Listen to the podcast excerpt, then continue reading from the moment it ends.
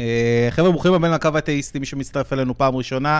הקו האתאיסטי זו תוכנית ראשונה מסוגה בישראל, שבה אנשים מאמינים וגם לא מאמינים יכולים להתקשר אלינו בשידור חי ולדבר איתנו על כל מה שקשור לדת, אמונה ואתאיזם.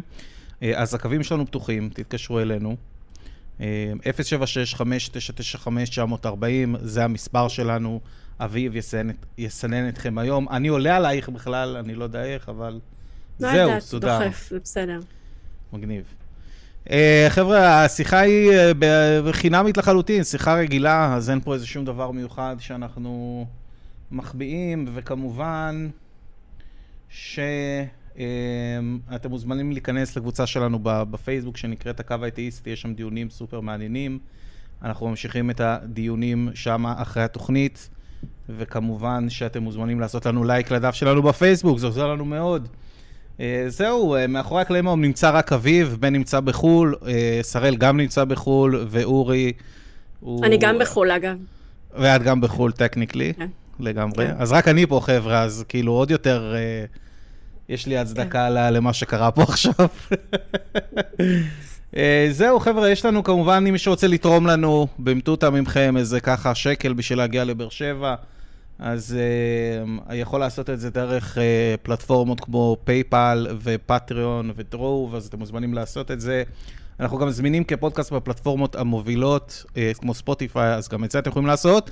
אבל שראל לא פה החודש, אני לא בטוח שיעלה פודקאסט, תסלחו לנו. אנחנו מנסים להשיג עוד אנשים שיתרמו ויעזרו לנו בעצם לכל המאמץ הזה. אם אתם רוצים להיות חלק מהצוות, אה, לעזור בכל התחום הזה, לעזור בהפקה, אנחנו ממש נשמח. אה, הדלתות שלנו פתוחות, מי שרוצה להצטרף למאמץ ולמטרה החשובה, שאנשים יאמינו בכמה שיותר דברים נכונים וכמה שפחות דברים לא נכונים, מוזמן לעשות את זה ולהצטרף אלינו לצוות של הקו האתאיסטי, מי שרוצה שיפנה לאורי או, או לבן, טוב, בן לא פה עכשיו, אבל ממש ממש יעזור לנו עוד אנשים שיקחו אה, לידיים שלהם את ההגה של הדבר הזה. Um, ונראה לי זהו, ותודה כמובן לפטריונים שלנו היקרים, לאחיה הכהן ויעקב שם, וכמובן שיש עוד פטריונים מדהימים שעוזרים לנו ותורמים, ותודה uh, כמובן לכולם. וזהו, נראה לי אפשר להתחיל. Uh, אני מקווה שהם. מתקשרים היום, אני, אני כבר רואה מתקשר אחד. היה תשעה באב. אמר שהוא, ליאור אמר שהוא מאוד בעד התוכנית, ליאור בתגובות ביוטיוב אמר שהוא מאוד בעד התוכנית, הוא אמנם מאמין, אבל הוא חושב שתמיד צריך לשאול את כל השאלות. אז אנחנו. נשמח לשמוע ממך, ליאור. מעולה. Um, היה תשעה באב, שזה בעצם... Uh, שאלו אותי כאילו הרבה פעמים, טל, אתה שמח שיש תשעה באב? כאילו, אתה שמח על חורבן המקדש, על הגלות, כל הזה? ואני אומר שלא, וכן, ואני אסביר למה. הנה, ממשיכים כן. פה עם ההודעות. למה לא ולמה כן? דבר ראשון, אני עצוב על סבל. כל סבל שנגרם שלא לצורך הוא סבל מיותר ועצוב שאפשר להימנע ממנו בדרך כלל. בהחלט. וחבל מאוד על כל הקטע של הגלות, ההגליה, הרצח של האנשים שהיה פה. חבל לי מאוד על זה, אני לא רוצה שאנשים יסבלו, אני רוצה להגביר את העונג, אני רוצה להגדיל את איכות חיים של כולנו ולא להפחית אותו, אז כמובן שזה עצוב לי מאוד.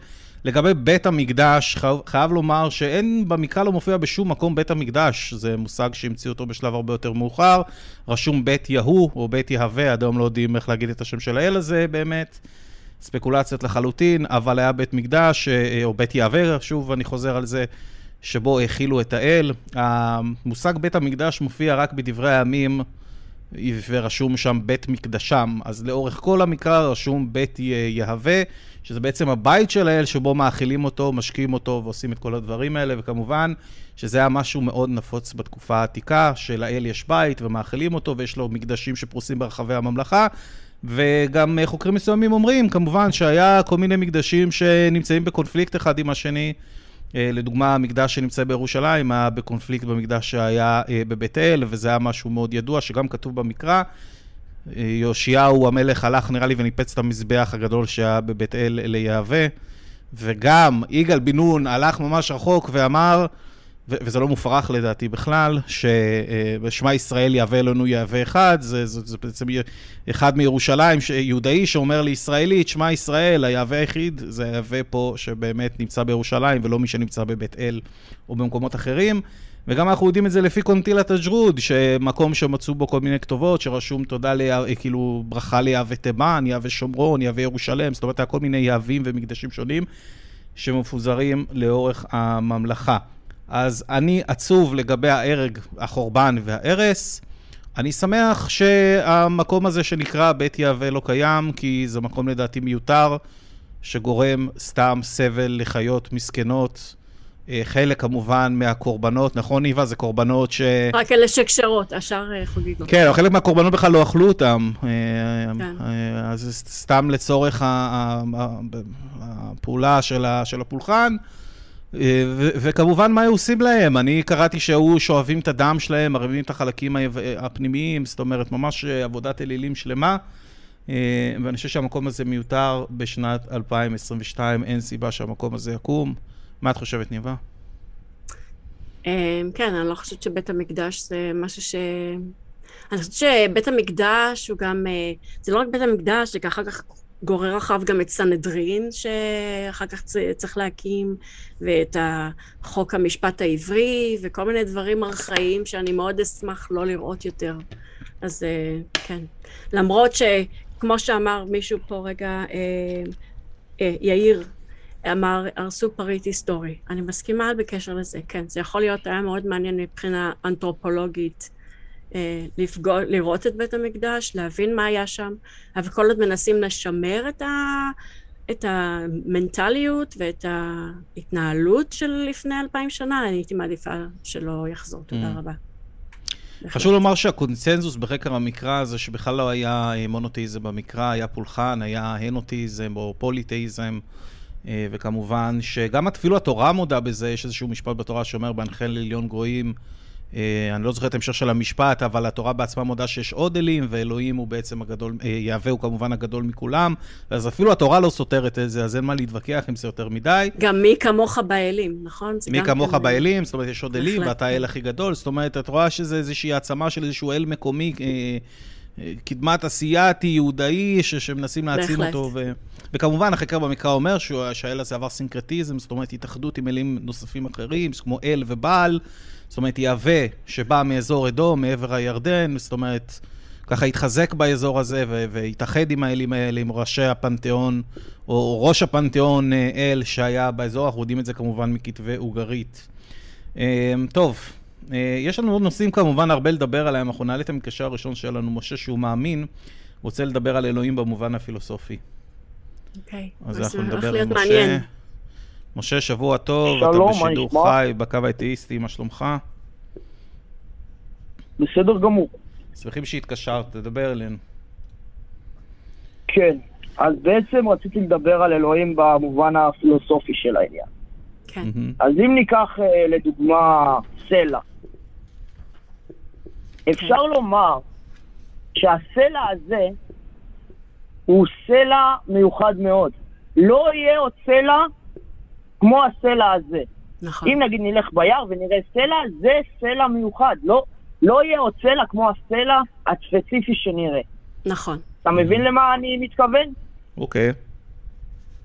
ואיך יכול להיות שיש כל כך הרבה דברים מיוחדים, תשעה מיליארד בני אדם, מיליארדים ומיליארדים זנים, ובעלי חיים, וסלעים, ולכל אחד מהם יש את הייחודיות שלו. אז במובן הפילוסופי של העניין, הרי ברור שיש פה איזשהו בורא שברא לכל אחד אישיות ו... ו... ודרך חיים משלו. שיש להם איזשהו מדריך רוחני שבלן לנו אופי ורוח. מה את חושבת על זה, ניבה? Um, אני רוצה להגיד לך משהו, האמת היא שהבת שלי היא מאוד uh, פילוסופית בנשמה שלה, כן? ודיברנו על זה שבאמת יש ייחודיות לכל דבר. ואז היא אמרה, את יודעת, אז בעצם אף אחד לא מיוחד בזה שהוא מיוחד. כאילו, כולם מיוחדים, אז בעצם כולה, אין פה ייחוד בעצם. עצם הייחוד, הרי מאיפה הייחוד של הסלע? מזה שהוא נוצר בזמן מסוים, במקום מסוים, ואף סלע אחר לא נוצר באותו זמן, באותו מקום, כי אי אפשר ששני דברים יתפסו את אותו מקום באותו זמן, כן? אז יש פה המון ייחודיות בגלל שזה עולם שהוא בעצם מתפתח, עולם שיש בו תהליכים ולכל דבר יש זמן ומקום ואז אם אתה מחשיב את כל הנתונים האלה, הכל מיוחד. מצד שני גם אתה יודע, זה לא מיוחד שהכל מיוחד. זה בסך הכל אה, עולם שהוא מתקיים. להסתכל על זה בצורה של הכל מיוחד, ויש איזה תכנון שיהיה הכל מיוחד, זה לא ממש נכון, זה פשוט ככה דברים קורים, זו המציאות. כן, אבל הבה נגיד, שבאמת נגיד אה, שאין אה, אה, לעולמנו וליקומנו בורא, אשר okay. אוקיי. אה, ברא וכתב וסרטט כן. את, ה... את ספר החיים של העולם. אוקיי. מה בעצם גרם למצב של אה, קיומו של, אה, של אותו עץ אשר אנחנו רואים, של אותו ים, של אותו אדם, הכל צריך להיות מושלם עד... אה, רגע, רגע, רגע, רגע, אתה אומר שאתה. חושב שהכל מושלם? אתה חושב שיש פה איזו מושלמות כאילו בדבר הזה? אתה יודע, כאילו, אנחנו למשל מקבלים ויטמין. D מהשמש, אבל היא גם גורמת לנו סרטן, זה שלמות. יש לנו איברים בגוף שיכולים, לי- פשוט, התוספתן יכול לגרום לנו הרבה יותר נזק ממשהו כמו תועלת, זה שלמות. יש לנו כל כך הרבה דברים שהם לא מושלמים, השיניים שלנו נרקבות לפני שאנחנו מגיעים לגיל מבוגר. זה לא שלמות. אם אני הייתי מתכננת את גוף האדם, תאמין לי, הייתי מתכננת אותו פי עשר יותר טוב. זה לא רק גוף האדם, זה גם הטבע בכלל. עצים, גם כאלה שאין להם שום יתרון בלהישרף, הם עשויים מחומר דליק. למה לעשות דבר כזה? תארי עצי לך. שבמקום שאף היה לנו בפנים, היה לנו בגב. בסדר, לא היינו זה- יכולים, איך היינו יכולים לחיות את זה? אפשר להסביר עם אבולוציה. כן? אם אף בגב לא היית שורד, מין אחר היה שורד כשאף מלפנים. אין בעיה, כן? יש פה תחרות כל הזמן, אם אתה לא תשרוד, מי שבא והוא קצת יותר. קצת יותר מסודר, טוב ממך, היה שורד. המתאים שורד, אין מה לעשות, כן? אבל להגיד שבגלל שהמתאים שורד, יש פה שלמות, זה לא. אנחנו לא מתאימים לעולם, אנחנו מתאימים מספיק כדי לשרוד בעולם, אנחנו לא מתאימים ברמה של שלמות לעולם. מה אתה אומר, משה? אבל בכל זאת, ה... בכל זאת ה... העולם, טוב, העולם אולי הוא לא מושלם, כן. לא אוקיי. מאה אחוז, בכל זאת בסוף מתים, אבל אנחנו באמת, כשאני רואה את העולם, כן. העולם הוא באמת מאוד, אה, מאוד מסודר. יש בו עונות, יש בו עונות, תאר- תארי לך שכל השנה היה רק קיץ. אז היינו מין שמתאים לקיץ. רגע, אני אגיד משהו. מה? אני אגיד משהו, משה. אחד הדברים החשובים שחשוב אה, להכיר בהם זה שאנחנו, אין לנו הסבר, דבר ראשון, לתופעה, אנחנו לא ממציאים הסבר, אנחנו יושבים, חוקרים, ומנסים להגיע למסקנה הנכונה. אה, התשובה הזו של אלוהים יצר את העולם, אני חושב באופן אישי שהיא תשובה עצלנית, ואני לא מאשים אותך בעצלנות, זו תשובה שבה אתה אומר, יש לי תשובה, אבל לא יכול לספק לך שום באמת ראיות אמפיריות, ולהדגים באמת ש- שה... שהרעיון הזה הוא, הוא נכון.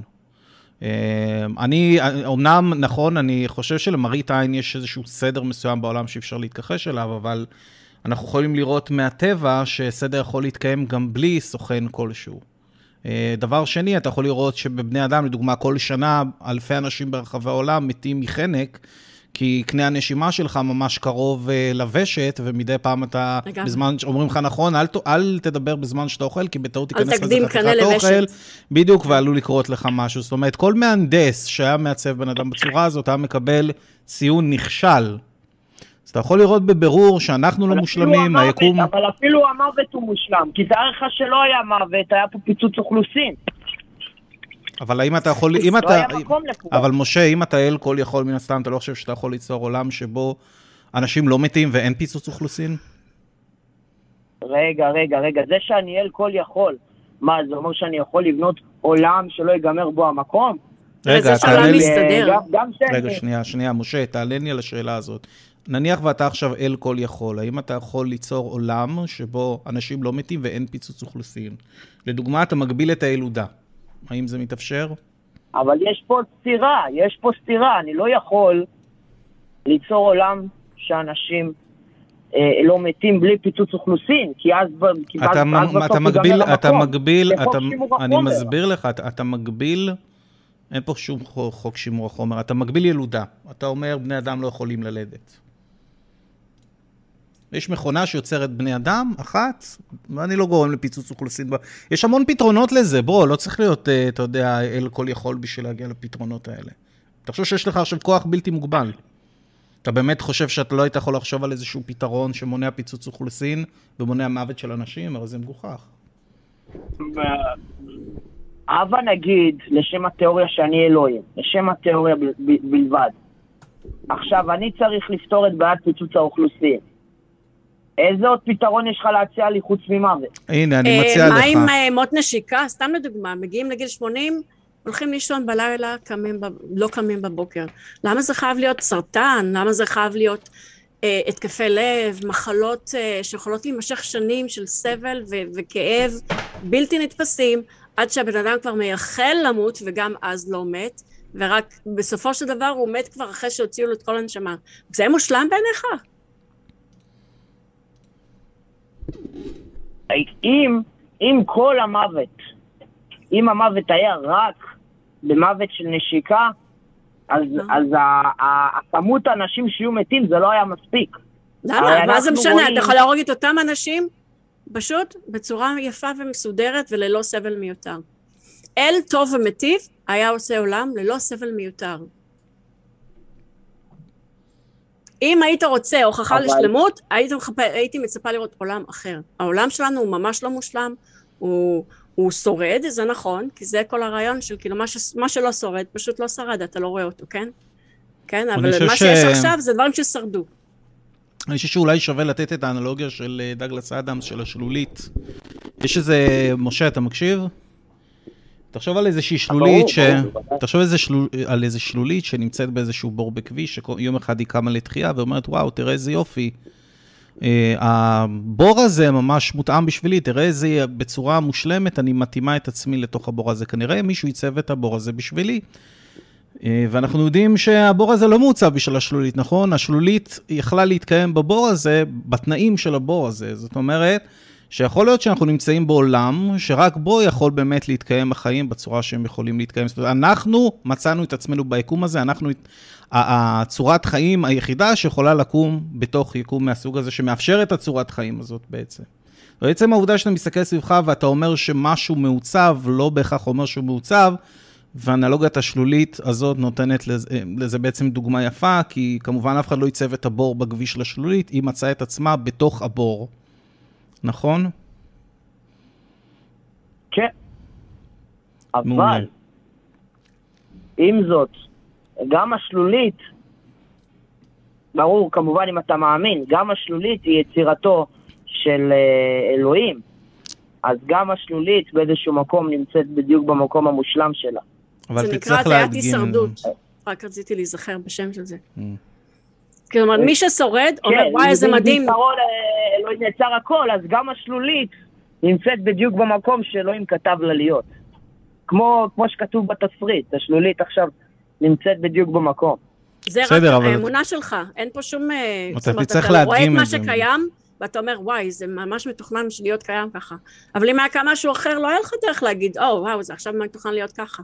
בשביל להגיד שזה מתוכנן, אתה צריך להגיד מראש איך זה הולך להיות, ולהראות שזה ככה יתקיים. אחרת אתה פשוט, אתה יודע מה זה הטיית הישרדות? זה אומר שנניח ש-90 אחוז דברים לא שרדו, העשר ששרדו, אתה אומר, וואי, איזה יופי, תראו איך הם שרדו, זה חייב להיות משהו מתוכנן, זה חייב להיות משהו מיוחד, אה, יש להם איזה משהו שקשור אליהם, מישהו תכנן את זה. עכשיו, אתה לא מסתכל על מה שלא שרד, אתה מסתכל על מה שכן שרד, כן?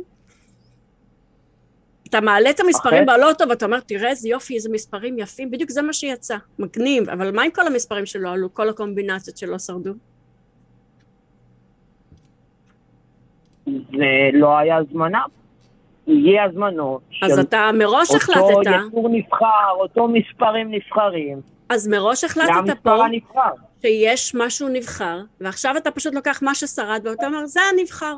מה שלא שרד כנראה לא נבחר. זאת אומרת, יש לך פה הטיית אישור שאתה מראש הנחת, שמה שקיים זה מה שנבחר. עכשיו אתה רק מראה שזה זה או זה, כן? זאת אומרת, אתה מניח את אלוהים, להגיד, ובזה אתה מוכיח את אלוהים. זה כמו להגיד שאני חושב שמספר 2 יותר גבוה ממספר 1, כי אני רואה בעיניים שלי כן. ששתיים זה שתיים, ואחד זה אחד. אני רואה. ששתיים בא אחרי אחד, אז אני אומר ששתיים יותר גבוה מאחד. משה, מה, לא הבנתי מה הקשר. אני. פשוט אומר את מה שאני רואה. שנייה, שנייה, חבר'ה, אני רוצה רגע לעצור. משה, אתה טוען שהיקום מעוצב על ידי ישות תבונית, נכון? אכן. אוקיי. איך אנחנו מזהים משהו מעוצב?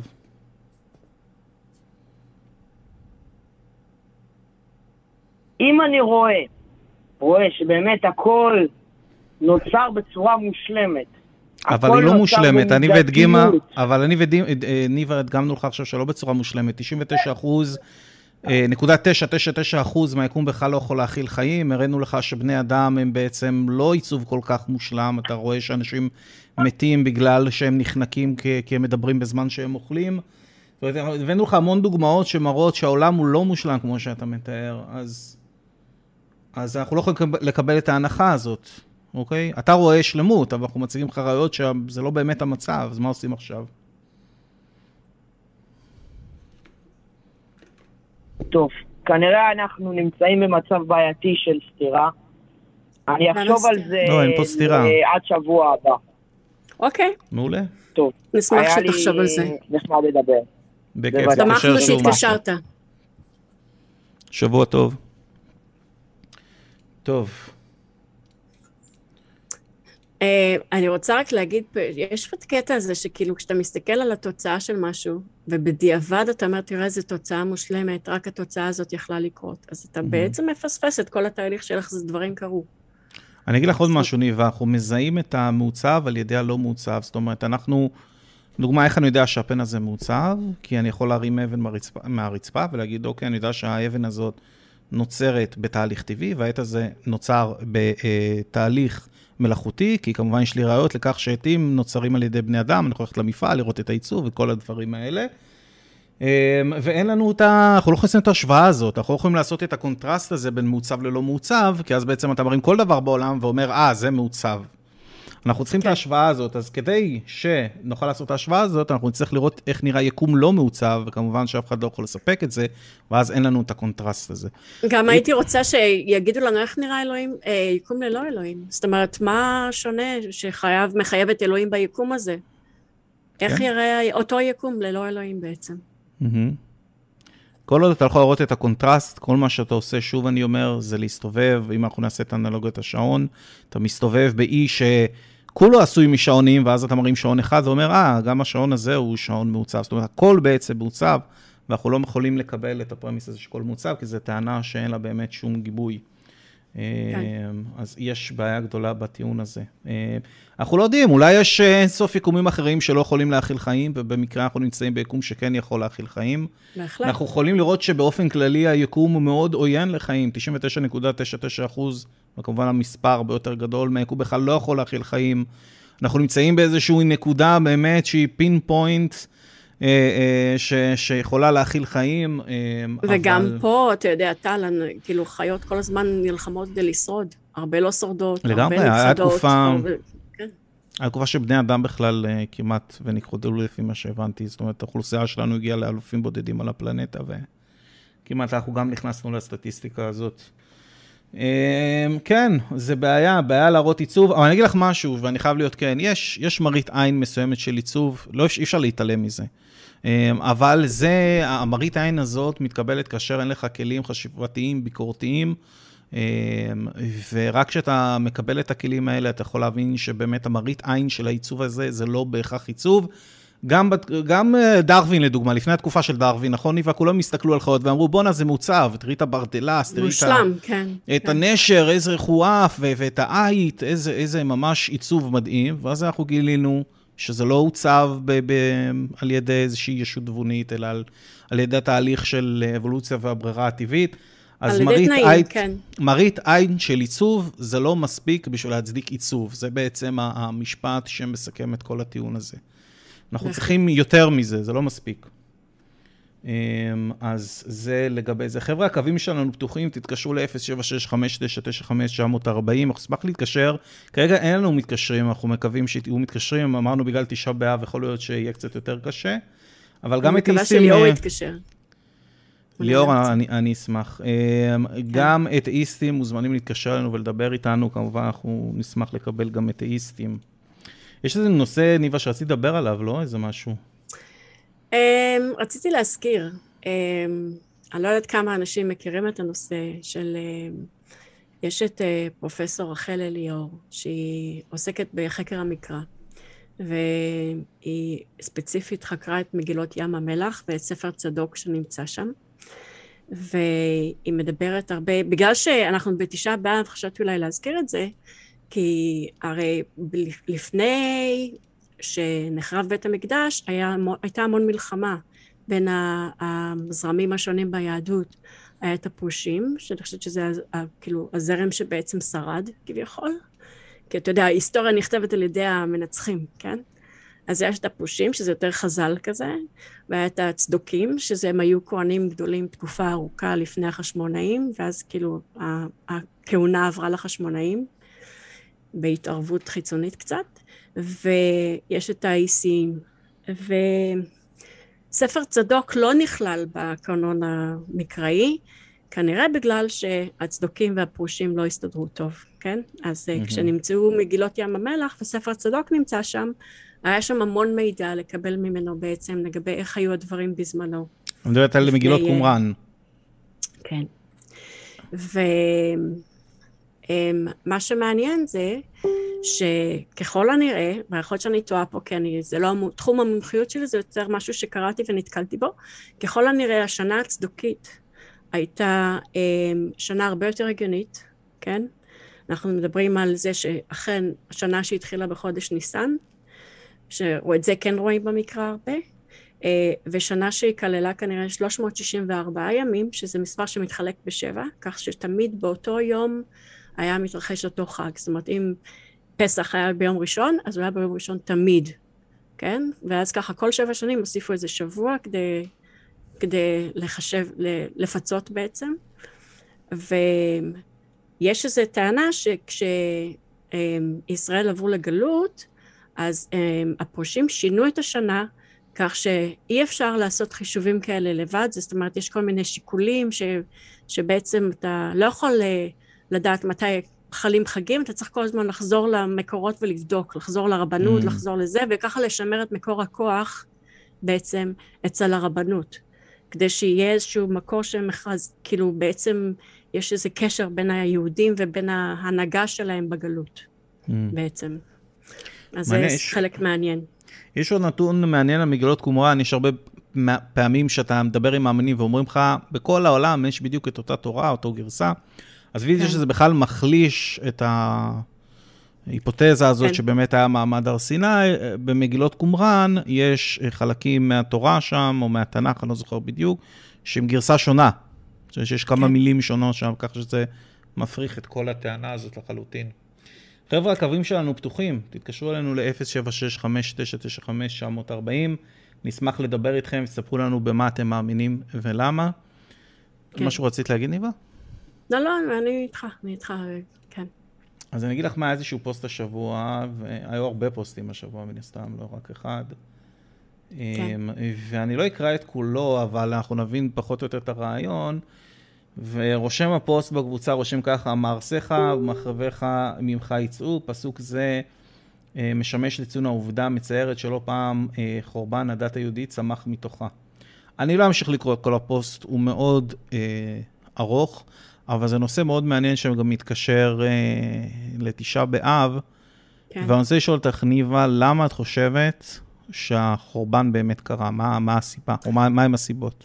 כי המאמינים, הרבה, אני אומר, הרבה מאמינים אומרים שזה בגלל אה, גילוי עריות, נכון? ושלא קיימנו מצוות. שנאת חינם. שנאת חינם.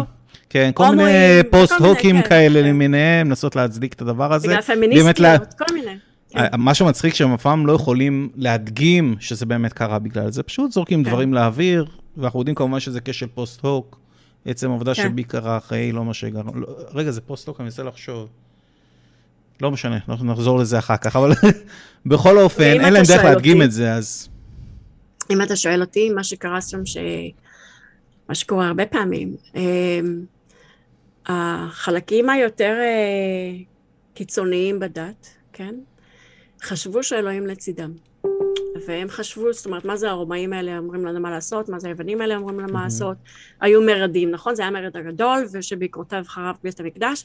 זאת אומרת, היה להם איזושהי תחושה של, אה, של שליחות, אם אלוהים לצידנו, איך אנחנו יכולים להפסיד, נכון? וככל שאתה יותר עיוור למציאות, אתה הולך יותר לחטוף בעצם את המכה של המציאות, כן? אז כשאם אתה במשך שנים זרם אה, שאף אחד לא מעז לחלוק עליו, זרם שמחזיק בכוחות והכל, ואז בא שליט שאתה אומר, מה פתאום אתם לא תקבעו לנו איך לחיות? זאת אומרת, יש פה בעצם קנאות דתית, והיו שם מלחמות על הקנאות הדתית, היו מלחמות בין הזרמים השונים, היו מלחמות כאילו איזה זרם יחבור נגד איזה זרם, כל מיני כאלה, וזה בסופו של דבר מה שגרם לחורבן, זה מה שגרם למוות, זה מה שגרם לכל האסונות, זאת אומרת, הכל מקנאות דתית. לדעתי. לחלוטין. הכל בקנאות דתית או לאומית. לאומית גם. אה, זה גם נכנס לאותה סלסלה.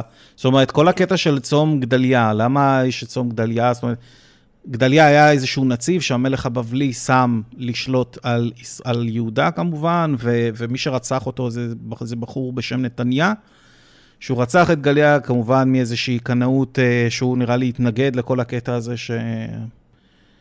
אה, יהודה תהיה תחת בעצם האימפריה הבבלית, ואז בעצם התרחשה הגליה וכל הסבל הגדול ש, שמתואר במקרא, שהוא מאוד עצוב.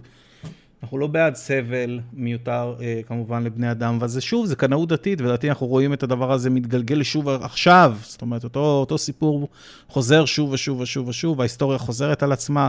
האגו האנושי, הזדהות עם לאום, הזדהות עם דת, הניסיון לשמר את הנרטיב הזה שנולדת לתוכו, שהוא אשליה אחת כן. מוחלטת בין ה... אני מכניס את זה לתוך סלסלה של אשליה. קבוצות שפשוט רבות ביניהם על מי הקבוצה היותר חשובה, מי הקבוצה הכי חזקה, מי הקבוצה חושב...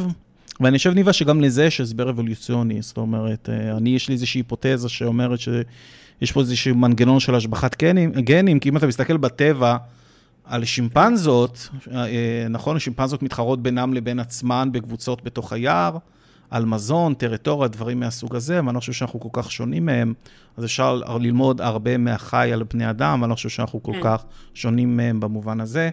אה, הקבוצה החזקה ביותר היא זאת ששלטה והעבירה את הגנים שלה הלאה בעצם. הקבוצה החזקה היא זאת ששלטה והעבירה את הגנים שלה הלאה, ואנחנו עושים את זה גם היום. אנחנו יכולים לעשות ניסוי, וזה ניסוי כמובן שעשו אותו, שזה לקחת קבוצה של ילדים קטנים בגיל גן, ולתת להם חולצה, אחת שחורה, אחת כתומה, ואתה תראה תוך כמה דקות שזה... מה, נחשול כזה? זה יהיה השחורים כנגד הכתומים. זה יקרה כן. במהירות שאתה אפילו לא תתאר. אז זה משהו שהוא טבוע בנו, ו... ו... זה, אבל אני חושב שאחד הדרכים לצאת מזה, זה כמובן אה, השכלה, חשיבה ביקורתית, ללמוד איך לחשוב, לשים לב להטיות אה, קוגנטיביות, לשים לב להטיות, לפרי-קונדישנינג, זאת אומרת, להתניות מוקדמות שנולדת לתוכה, מהסביבה שלך, וזה יכול להוציא אותך מזה, זה לדעתי מה שאנחנו מנסים לעשות פה בסופו של דבר, להז... לראות ביחד איך אנחנו אה, מסתכלים על הדברים האלה ממבט חיצוני וממבט ביקורתי. אה, יש לנו מתקשר. אה, נהדר. אלון, שהוא אתאיסט, רוצה לדבר על איך אפשר לדבר עם מאמינים והתחלה מבסיס שווה. אוקיי. אלון, שבוע טוב, מה קורה? בסדר גמור. קודם כל, רציתי להגיד לכם אה, כל הכבוד על התוכנית. תודה, תודה. אני היום אה, פעם ראשונה שמעתי עליכם והכרתי אתכם. מאוד הזכיר לי את ה-ATS Experience שהיה ביוטיוב, וזה באמת כל הכבוד שאתם עושים את זה. אנחנו הראשונים, אנחנו הראשונים. אני צופה ואני... לא, בארץ, כן.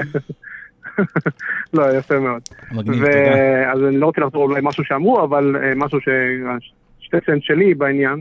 אני אתאיסט מגיל ממש צעיר, כאילו, ממש מהגן, לא יודע אם אתה זוכר את הסדרה סופרבוק והבית המעופף, אבל ככה כן. למדתי אנגלית וככה למדתי על התורה והברית החדשה, אז אתה יודע שראיתי סיפורים על שמשון ועל הרקולס, מבחינתי זה אותו דבר. זה היה, זה סיפור וזה סיפור, וככה אני. עד שהגעתי לתיכון, שם הייתי האתאיסט היחיד, ואז הייתי בתיכון יותר אקטיבי. אני בטוח שהיו עוד אתאיסטים ואתה לא ידעת על זה. בדרך כלל לא, אנשים לא רוצים את זה. ידעתי שאני לא מאמין. אתה מבין? Mm, אבל בתיכון גיליתי את המילה, ונהייתי יותר, התחלתי לכתוב בחופש, נראה לי איזה אוקיי. מאמר או שתיים, לא יודע אם זה עדיין קיים, והיה אה, יותר כאילו אקטיבי כזה. ועם השנים אני הבנתי לאט לאט עם כל הוויכוחים, חלק טרולים, חלק לא טרולים, שבמקום להתחיל ויכוחים ולא אתה טועה וישר לשלול, נתחיל מאיזשהו מקום שווה. זה המקום השווה אחרי שאתה יודע, קראתי עוד ספרים ונחשפתי לדברים אחרים, שאתם יותר אה, מבינים ממני, או אה, חקרו יותר את הנושא. שקודם כל, באיזושהי רמה, כולם אתאיסטים. זה לא משנה אם אתה יהודי, נוצרי, מוסלמי, אה, אני אתאיסט נגיד ב-100%, אתה אתאיסט ב-99.99%. אין אחד שמפריד בינינו, נקודה אחת.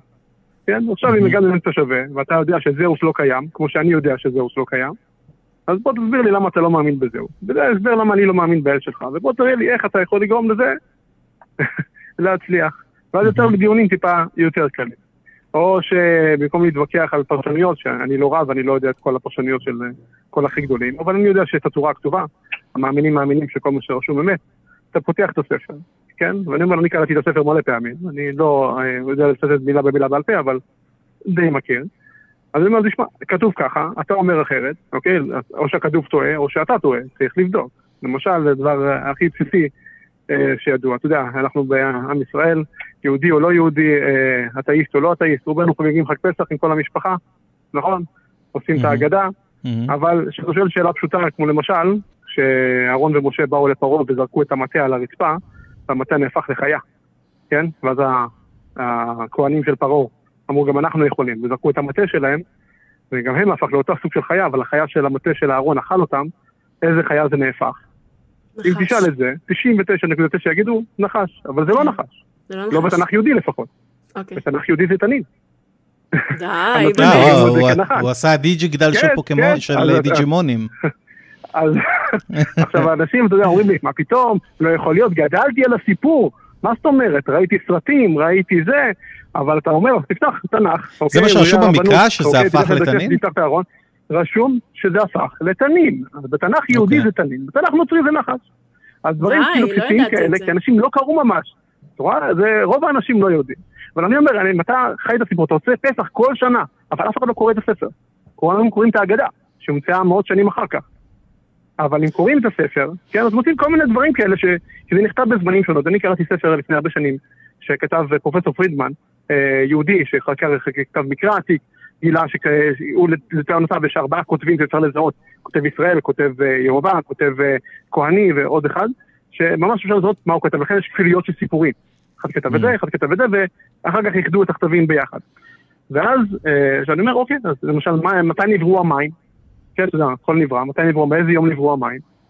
אז לפי הסיפור, אם קוראים נכון, המים לא נבראו. הם לא נבראו כי לפי העמים הקודמים, מים זה יסוד קדמון, מים התחיל מהכל. אז מעניין. יש כל מיני הטיות, זה יכול להיות, אבל כן יכול להיות. וככה אתה, עם, הדברים האלה, שאתה אומר, בוא ניקח, אתה יודע, אין לך שווה, יש לנו ספר, כן, בוא נסכים, נלך לפי מה שכתוב בספר, ולפי זה נתקדם הלאה. כי אני אתחיל להתווכח על מאמר מדעי, ואם הוא לא לידי ואני לא מומחה, אין שום דבר. והוא יתחיל לצטט משהו שזה גם לא ברור. אמרתי, יש לנו ספר, עכשיו אם הספר נפתח, ואני חושב שזו דרך יותר טובה. כן, בוא נתחיל מעמק השווה איזשהו, אנחנו שנינו מאמינים בזהוס או בתור או באיזשהו אל אחר, למה אתה לא מאמין בזה? נתחיל ככה, במקום להתחיל, לא אתה טועה ישר, או כן אתה טועה, או כן אני צודק. זה גישה יותר בריאה, לדעתי. נקודה מאוד מעניינת עם המים, חידשת לי הרבה מה אמרתי? מה? מה, מה? באת להגיד? משהו, לא? אני אומר, כן, אני- רציתי להגיד שבצ'אט אמרו אה, והסבירו נכון שזה נקרא אפקט מנדלה, שזה אה, זיכרון קולקטיבי שהוא שגוי בעצם. שכולם זוכרים משהו שקרה, כשבעצם הוא לא קרה בכלל. זה כמו look, I am your father, או מה שזה לא יהיה, כאילו, אתה יודע. זה דומה, אבל כן. לא... זה דומה, אבל לא קרוב, כי אתה יודע, כולם רואים נגיד נסיך מצרים של ספילברג, סרט מקסים, כן, כן. אבל הוא עשה את הנחש. כן. זה לא...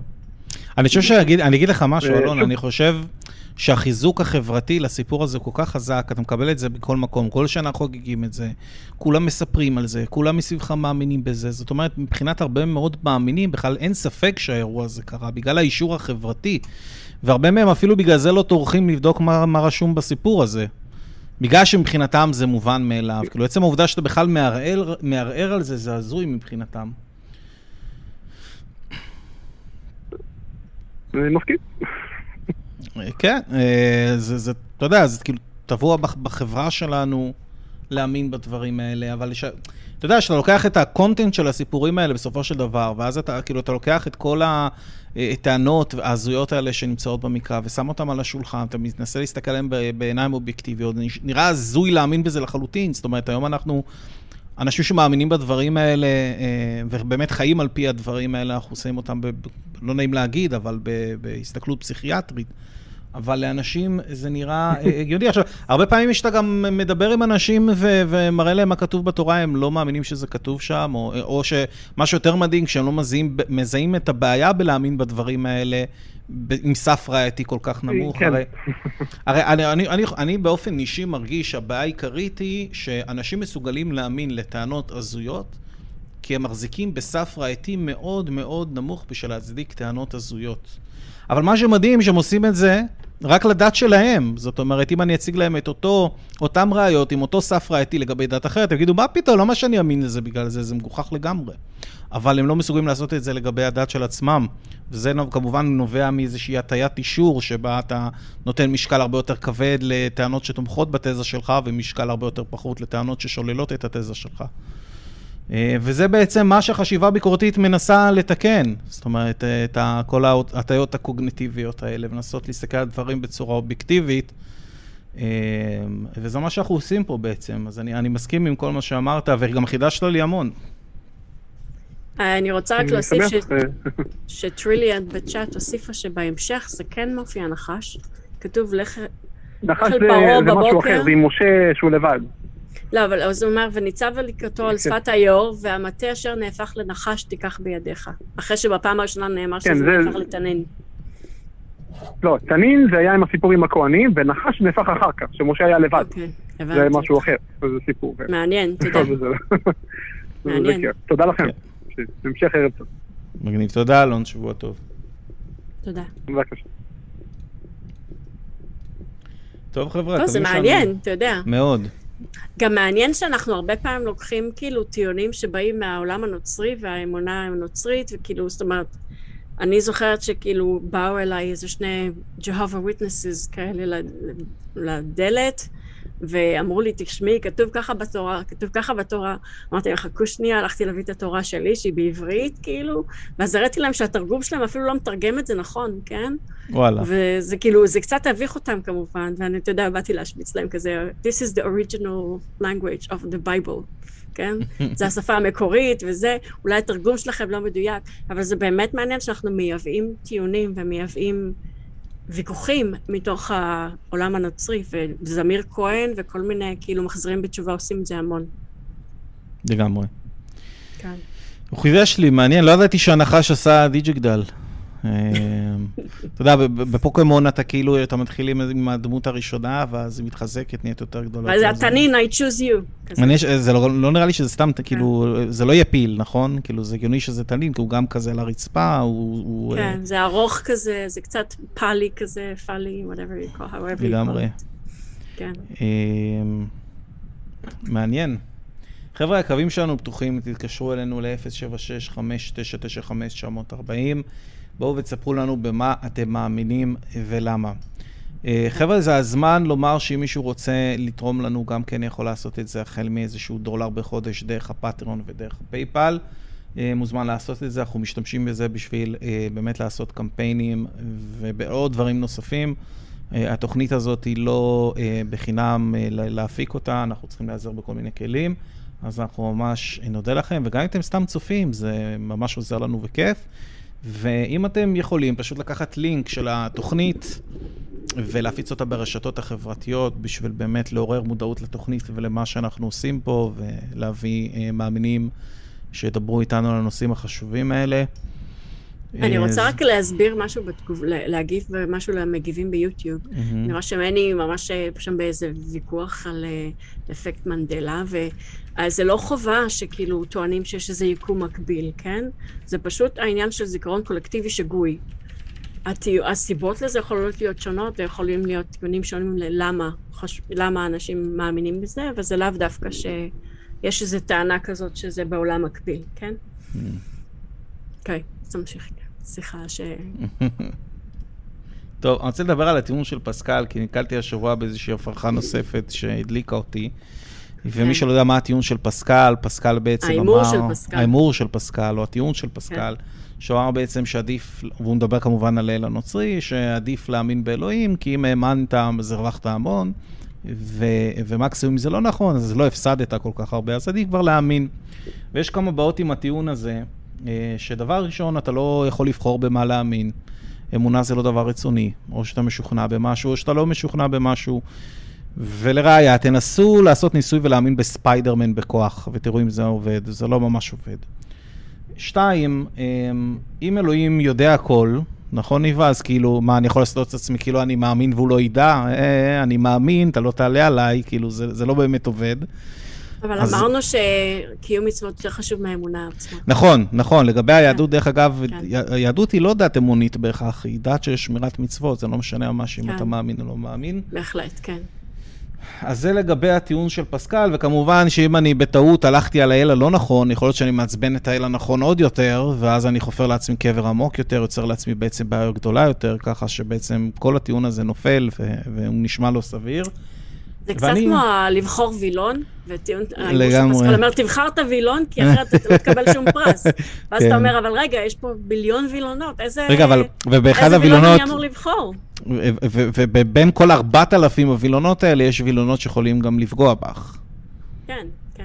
כי יכול להיות שאת מעצבנת מן הסתם את האל הלא נכון, כמו האל יהווה, או אל קנאי. יש וילון אחד, יש אל אמיתי, ואתה לא יודע איזה. כן. אז נתקלתי באיזושהי הפרחה שאומרת את הדבר הבא, שלאתאיסט הסתברות שיש אל שאוהב אתאיסטים ולא אוהב אתאיסטים היא זהה, לכן אין עדיפות בבחירת אל אחד לפני אחר. אני חושבת שאל, שנניח נניח שיש איזה אל אזוטרי שאנחנו לא יודעים עליו בכלל, שזה האל האמיתי, כן? אז אתאיסטים לפחות לא מסתכנים בזה שהם אה, הימרו על האל הלא נכון, כי הם אמרו אנחנו לא יודעים, כן? אז mm. אני הייתי אומרת שבמקרה כזה, אם אתה מת אתאיסטי, אז לפחות אתה זכאי מחמת הספק. כן. Uh, הטיעון של פסקל, או ההימור של פסקל, איך שאמרת את זה, הוא כן. לא, הוא בעייתי והוא לא תופס uh, מים בכלל. Uh, לכן הוא מגוחך. מבחינתי הוא נופל בגלל הטענה הראשונה. זאת אומרת, כבר שם אתה יכול לייצר שאתה לא יכול לבחור במה להאמין. זאת אומרת, אני... אני יכול לעשות, לעשות את עצמי כאילו אני מאמין, זה לא באמת יעבוד, או להכריח את עצמי. אה, אם מישהו מכיר דרך אגב שיטה, יש לי הרבה... יש לי הרבה דברים אולי שהייתי רוצה להאמין בהם, מישהו מכיר את הטריק שילמד אותי, אני לא מכיר טריק כזה. אוקיי. אה, אז זה לגבי זה. עכשיו, נתקלתי בעוד איזשהו סרטון שמדבר האם הדת תשרוד בעתיד. אני חושב שזו סוגיה מעניינת. מה את חושבת? את חושבת שכאילו, אם עוד אלף שנה אנחנו נתעורר לעולם הזה, אנחנו עדיין נראה דתות? אני חושבת שאנשים מאוד צריכים אה, אה, משהו רוחני, כן? אוקיי. Okay. ואני חושבת שאם אנחנו נספק את הדבר הזה בצורה חילונית או בצורה הומניסטית, כן? הומניזם חילוני לדעתי בהחלט מספק את ה... את ה... אולי את הצורך הרוחני הזה. אז אני חושבת שאם נספק, אם תהיה איזושהי התארגנות או איזושהי יותר פופולרית להומניזם חילוני, אני חושבת שהדתות ייעלמו. אבל כל עוד לא יהיה מענה שהוא נטול דת, אני חושבת שאנשים יצמדו להסברים, ל- לישויות, לדברים שכאילו עוזרים להם לסדר את העולם, שבסוף יהיה טוב, שמישהו יפצה אותם על הסבל, שעושה להם קצת סדר בראש וקצת תחושה של צדק, כן? אני חושבת שאנשים זקוקים לזה פסיכולוגית. Mm, מעניין. אני חשבתי על הנושא הזה, ואני חושב שדתות לא ישרדו בסופו של דבר, בסוף, בסוף, בסוף, אם המין האנושי ישרוד, אבל אני חושב שייקח לזה הרבה מאוד זמן. למה אני חושב שהם לא ישרדו? כי הם לא נמצאות בקורלציה למציאות. זאת אומרת, הם לא אמת. ואני חושב שכל דבר שהוא לא אמת, בסופו של דבר מת. למה? כי אה, מוטב לנו לדעת כמה שיותר דברים נכונים וכמה שפחות דברים לא נכונים, כי רק ככה אנחנו יכולים לקחת החלטות יותר נכונות בחיים. זאת אומרת, האמת יש בה ערך ענק ומאוד חשוב, וה-value של האמת הוא כל כך... מהותי, הוא אובייקטיבי ברמה הזאת. זאת אומרת, זה אובייקטיבי לומר שהאמת היא, היא חשובה, היא, היא מגדילה את איכות החיים שלנו. אני לא מדבר כמובן על מקרה קצה, ואמרתי בתוכנית הרבה פעמים שבן אדם היפוכונדר, אני לא אבוא ואגיד לו, תשמע, יש לך סרטן, כי אני פשוט ימלל את החיים שלו עד למוות שלו, ואני לא אעשה דבר כזה. אני חושב אבל שאפשר להדחיק את האמת לזמן מאוד ארוך, אם יש איזשהו value בשקר, או, או, או באי-אמת. או וזה, צורך ו... פסיכולוגי לפעמים. נכון, כן. צורך פסיכולוגי, ואני חושב שהדת כן עושה את זה. זאת אומרת, אחת הסיבות שה, שהדתות אה, סודות ועוד יחסית משגשגות, זה בגלל הסיבה הזאת. אה, כן. שאנשים מקבלים ערך פסיכולוגי מאוד משמעותי אה, מהדתות. גם בקטע, הדתות לא נמצאות בוואקום, נכון? יש מעול בהם גם משהו מאוד תרבותי. זאת אומרת, אני חושב שאפילו המשהו התרבותי הזה הוא הרבה יותר חזק מהאמונה עצמה, בדת עצמה. אה, עצם העובדה שאתה נמצא בשבט וכולם מקיימים את אותם מנהגים ואיזושהי תחושה של אחדות ויוניפורמיות אה, כזאת, זה, זה משהו שנותן המון value לסייקי האנושי, ואנחנו גם יודעים את זה, ובגלל זה אני חושב שיהיה מאוד קשה לדתות להיעלם מהעולם, אבל בסוף דינם... תסתכל טפלות. הן פשוט כאילו שמועות שמתגלגלות, עד היום, כאילו נפח, ברגליים, והבן דוד שלי, והאחיינית שלו. מה, אני... סיפורים על איך... איך כאילו, לא יודעת מה, כאילו, נכון. סיפורים על סיפורים, על איך דברים קרו לאנשים שעשו משהו או לא עשו משהו. נכון, כאילו... נכון, נכון, נכון. אני בגיל קטן עדיין הייתי, אה, כאילו הייתי רואה חתולה שחורה יורק שלוש פעמים, מנשק לחם לפני שאני זורק, עושה את כל הדברים האלה, כי מסביב אמרו לי שזה... אני זוכר שהייתה לי שכנה שאמרה שיש גמדים קטנים, והיא הייתה באמת רצינית לגבי זה. אני חושב שעד היום היא הייתה רצינית לגבי זה. יש גמדים קטנים שבלילה קמים ומסדרים את, את הרוחות הרעות, אני לא, לא זוכר מה ההסבר של סביב הדבר הזה, אבל אני פשוט בתור ילד קטן האמנתי לזה לגמרי. אני זוכר שצעקו עליי שעל עברתי מעל רגליים של מישהו, שעכשיו הוא לא יגדל, ואמרתי, אה, וואי, נכון, צריך לעבור חזרה. צריך לעבור חזרה. וואי, כמה פעמים עברתי חזרה. כנראה שאף אחד לא עבר מעל רגליים של מישהו. כן. זה מראה איך אמונות טפלות ודתות כן. נוצרות לנו מול הפנים. זאת אומרת, כן. ברגע שיש אישור סביבתי, אנשים פשוט יאמינו בדברים לא רציונליים. זה מלחיץ, מה? בגלל לך עכשיו אנשים לא יגדלו. לגמרי, לגמרי. כן. אלוהים מכעס אם לא תנשק לחם, כל הדברים האלה. כן. אה, אנחנו רואים אה, את הדברים האלה קורים לנו אה, מול הפנים. לא, לא רק זה, תסתכלי איך דתות נוצרות מול הפנים. או אמונות כן, מהסוג הזה נוצרות, תסתכלי על uh, כל מיני דברים שמייחסים לרבי מלובביץ' היום, לדוגמה, שהוא uh, כן. חזה את העתיד, והיה לו איזשהו, היה קדוש, והיה לו איזשהם כוחות מיוחדים, או רבי נחמן מיומן, ש, שמייחסים לו היום איזשהו סגולות שהן אפילו אפשר לומר על-אנושיות, זאת אומרת, אנחנו יכולים לראות איך כל המיתוסים האלה נוצרים לנו מול הפנים. תחשבי איך מיתוסים כאלה יכולים להתנפח במשך אלפיים שנה מישו. או מ... אפילו, את יודעת, אה, סיפורים אה, יהודים כן, ברגע שאתה מוקף אנשים שמאמינים במשהו, אפקט העדר, אתה אוטומטית, יש לך אישוש, יש, יש, כאילו, אתה מאמין שכל כך הרבה אנשים לא יכולים לטעות. מה זאת אומרת? איך יכול להיות שכאילו, ההורים שלך, הסבים שלך, כל העולם, כל העם מסביבך טועה, זה בלתי אפשרי, לגמרי. בלתי נתפס לאנשים. לגמרי. השאלה, כאילו, למה... תראי, הסיבה שרוב האנשים מאמינים בדתות תכלס זה כי ההורים שלהם סיפרו להם שזה נכון. והסביבה שלהם חיזקה להם את זה שזה נכון. אה, אנחנו לא מגיעים הרי עם ידע מה זה העולם, אנחנו מבינים מה זה העולם מהסביבה שלנו. ריצ'רד דוקינגס הציע משהו יפה בספר שלו, אני לא יודע אם הוא הראשון שעשה את זה, אה, אבל אני זוכר, אני חושב שהוא רשם את זה ב-God Delusion, והוא אמר שבני אדם הם hardwired, איך אומרים את זה, הם מחווטים למצוא סוכנים בטבע. תסביר את המילה סוכנים שם. נכון, סוכנים, או agencies, איך אמרנו? היה לנו איזושהי מילה ש... זה ישות שהיא בעצם הסבר, כן. ישות שהיא איזשהו... שאחראית למשהו שקורה. עם אינטליגנציה אה, אה, מתכננת כן. או תבונית או משהו מהסוג הזה. אה, ולמה? זאת אומרת. מי אחראי לזה? למה השם מזורחת? מי אחראי לזה? למה יש מבול? מי אחראי לזה? למה יש בצורת? מי אחראי לזה? כן? אז, אז דוקינגס מדבר, בוא, בוא נחשוב על בני אדם לפני 100 אלף או 200 אלף שנה, או אפילו מיליון שנה. לחשוב על איזה הומינידים שחיים בסוואנות של אפריקה, זאת אומרת, לאיזה הומיניד היה סיכוי הישרדות יותר גבוה? על הומיניד שאומר, הוא הולך ב- ב- ביער או משהו מהסוג הזה, או בסוואנה, פתאום הוא שומע איזשהו רעש בשיח. זאת אומרת, לאיזה הומיניד היה סיכוי יותר גבוה לשרוד? להומיניד שאומר, אה, נראה לי יש שם אריה או נמר שרוצים לטרוף אותי, כדאי לי להסתלק מפה, או שההומיניד שיושב ואומר, hmm, אני צריך עוד ראיות אמפיריות בשביל uh, לקבל את ה... את הטיעון הזה. כן. כאילו מן הסתם, אתה כן. לפעמים היית נהפך לארוחה. זאת אומרת... אנחנו, ה-threat system שלנו הוא מכוות לפעול באופן מיידי ולתת לנו תגובה מיידית. לחפש... fight, flight, freeze, whatever, כן. כן, ולחפש סוכנים כל הזמן, זאת אומרת, אנחנו כל הזמן מחפשים סוכנים אה, בטבע, בכל מקום שאפשר, כי באמת הברירה הטבעית סיננה סיננה אותנו בצורה כזאת, ש, שבאמת אה, השאירה אה, את ההומינידים שבאמת אה, האמינו שיש, שיש סוכן מאחורי תופעות. ואנחנו רואים בשלב יותר מאוחר שאנשים פשוט אימצו את זה לתופעות טבע. זאת אומרת, מי יורג את הברק בשמיים? זה לא יכול להיות סתם, זה טוב. אני רוצה להגיד שיש איזה סרטון של האתאיסט החושב, The Thinking Atheist, לא יודע אם מי מכיר את הערוץ שלו, שבזמנו תרגמתי, כאילו הוספתי לזה תרגום כתוביות, אולי נשדר את זה בפעם הבאה, אם אפשר.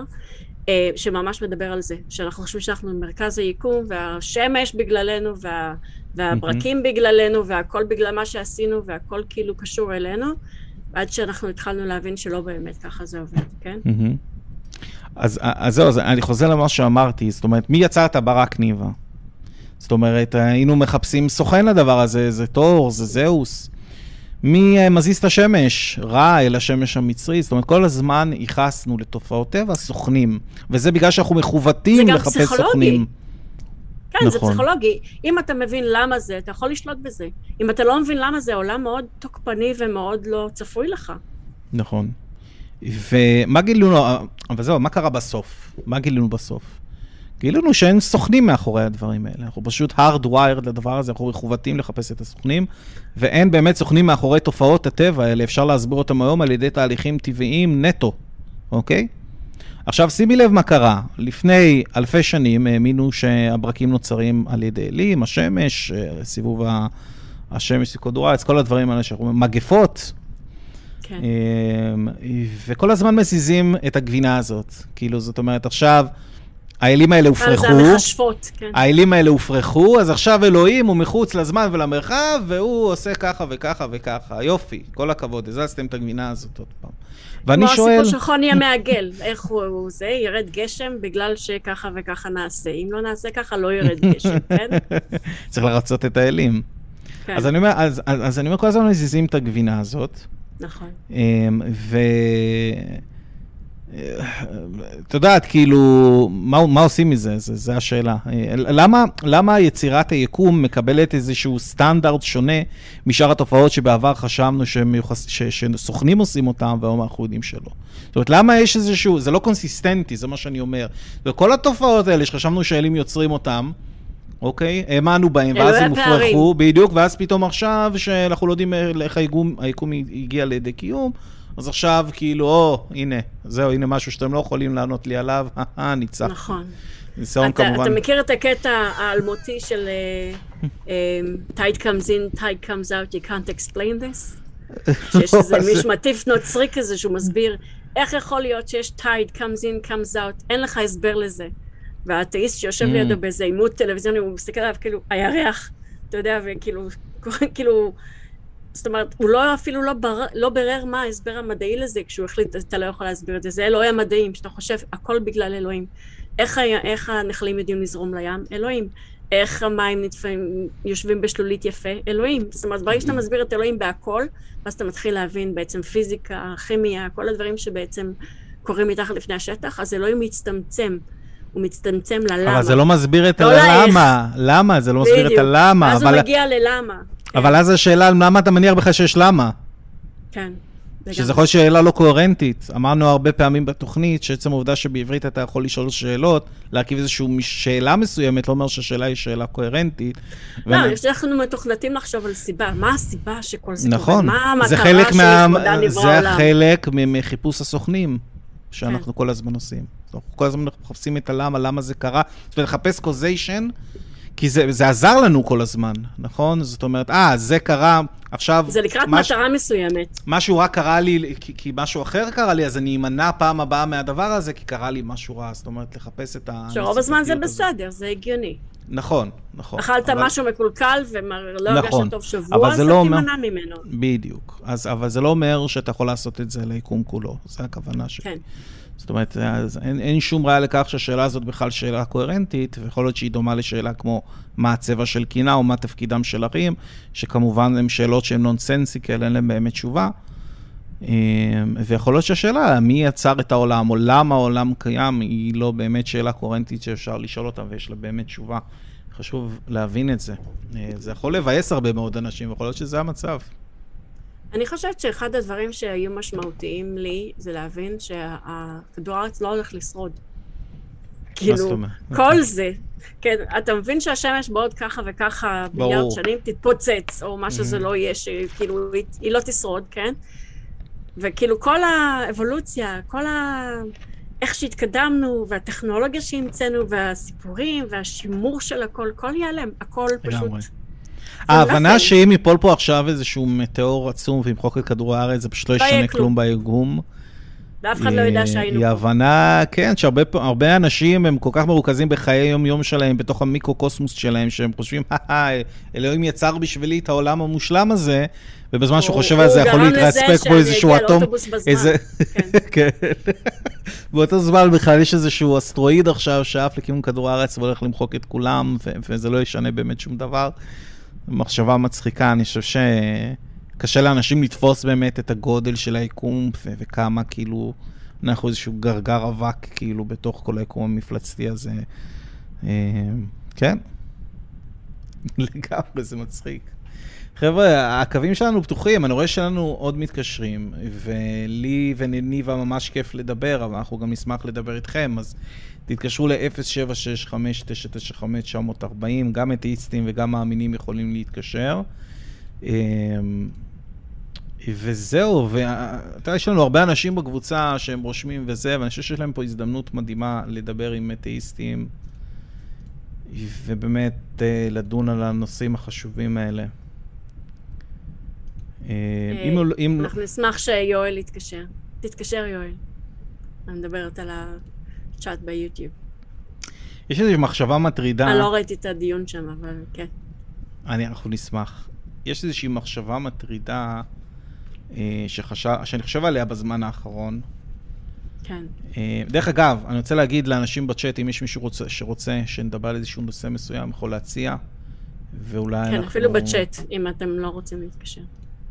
עדיף שתתקשרו, אבל... אה, כן. כי אז, כי אז בטוח אה, נדבר על הנושאים, הנושא שאתם רוצים, אבל אנחנו ננסה. אבל הייתה לי איזושהי מחשבה מטרידה שאומרת את הדבר הבא. לפתע מצאנו את עצמנו ביקום שכפה עלינו קיום. זאת אומרת, אף אחד מאיתנו לא בחר להתחיל להתקיים.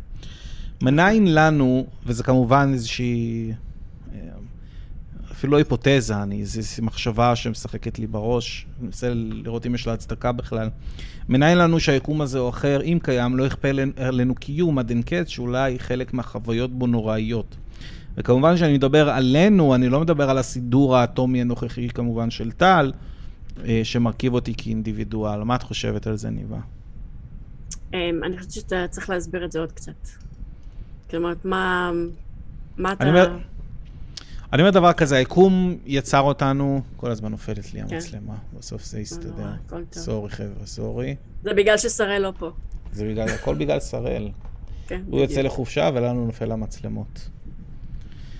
אז אני אומר, דבר כזה, אה, מצאנו את עצמנו פתאום קיימים. זאת אומרת, איזשהו, אנחנו איזשהו סידור נולדנו. מול, מולקולרי, אטומי של היקום, פתאום יש לנו תודעה, והיקום כפה עלינו אה, אה, קיום, הזה. בלי כמובן ששאלו אותנו, או משהו מהסוג הזה. ואני אומר, אם פתאום צצנו ביקום הזה, אה, ואנחנו חלק מהיקום הזה, אז מניין לנו שאו ביקום הזה או ביקומים אחרים, אנחנו נמשיך ולצוץ וירכיבו אותנו, כשאני אומר אותנו כמובן, אני לא מדבר על אינדיבידואלים של ניבה וטל, כן, ירכיבו אה, באמת חוויות חדשות עד אין קץ, שחלק מהם זה, חו- הם חוויות נוראיות. וכמובן אנחנו עדים היום לחוויות נוראיות שאנשים עוברים, וגם אורגניזמים עוברים, זאת אומרת, והמחשבה הזאת באופן אישי עשתה לי אה, מאוד כן. עצוב. אני לא יודע כמה יש לה הצדקה, אבל הראיות מראות שכן, יש לפחות יקום אחד שאנחנו יודעים עליו שיכול לייצר חוויות. זאת אומרת, אנחנו יודעים שזה אפשרי. כן. זאת אומרת, אני חושבת שאני הגבתי לך לפוסט הזה, כי אמרתי, אנחנו לא יודעים, נח- אנחנו לא יודעים איזה כאב חווה כל דבר ביקום הזה. יכול להיות שיש חיות, יכול להיות ש... אני נתתי דוגמה עם גזר, כן? יכול להיות שגזר מרגיש כאב נונסטופ מהרגע שזרעת אותו, והוצאת אותו מהאדמה וקילפת אותו באכזריות רבה, וגם חתכת אותו ושמת אותו במים רותחים, זאת אומרת, זו אכזריות מטורפת, כן? יכול להיות שיש יצורים, יכול להיות שיש צמחים, יכול להיות שיש חיות שמרגישות כאב. יכול להיות שאנחנו לא יודעים לבדוק את הכל, כן? זה בהחלט אפשרי. זאת אומרת, אין, אנחנו יודעים אין שיש סיבה לחשוב חיות שזה בלתי שכמובן, אפשרי. כן. שיש להן מערכת עצבים מאוד מפותחת והן באמת מרגישות כאב. לא, אבל כאילו- יכול להיות שזה בלי שום קשר. כאילו, נכון שזה לא משרת אותנו אבולוציונית, אבל מצד שני זה גם לא מונע קיום, כן? Mm. יכול להיות שיש חיה כלשהי שמרגישה כאב כל הזמן.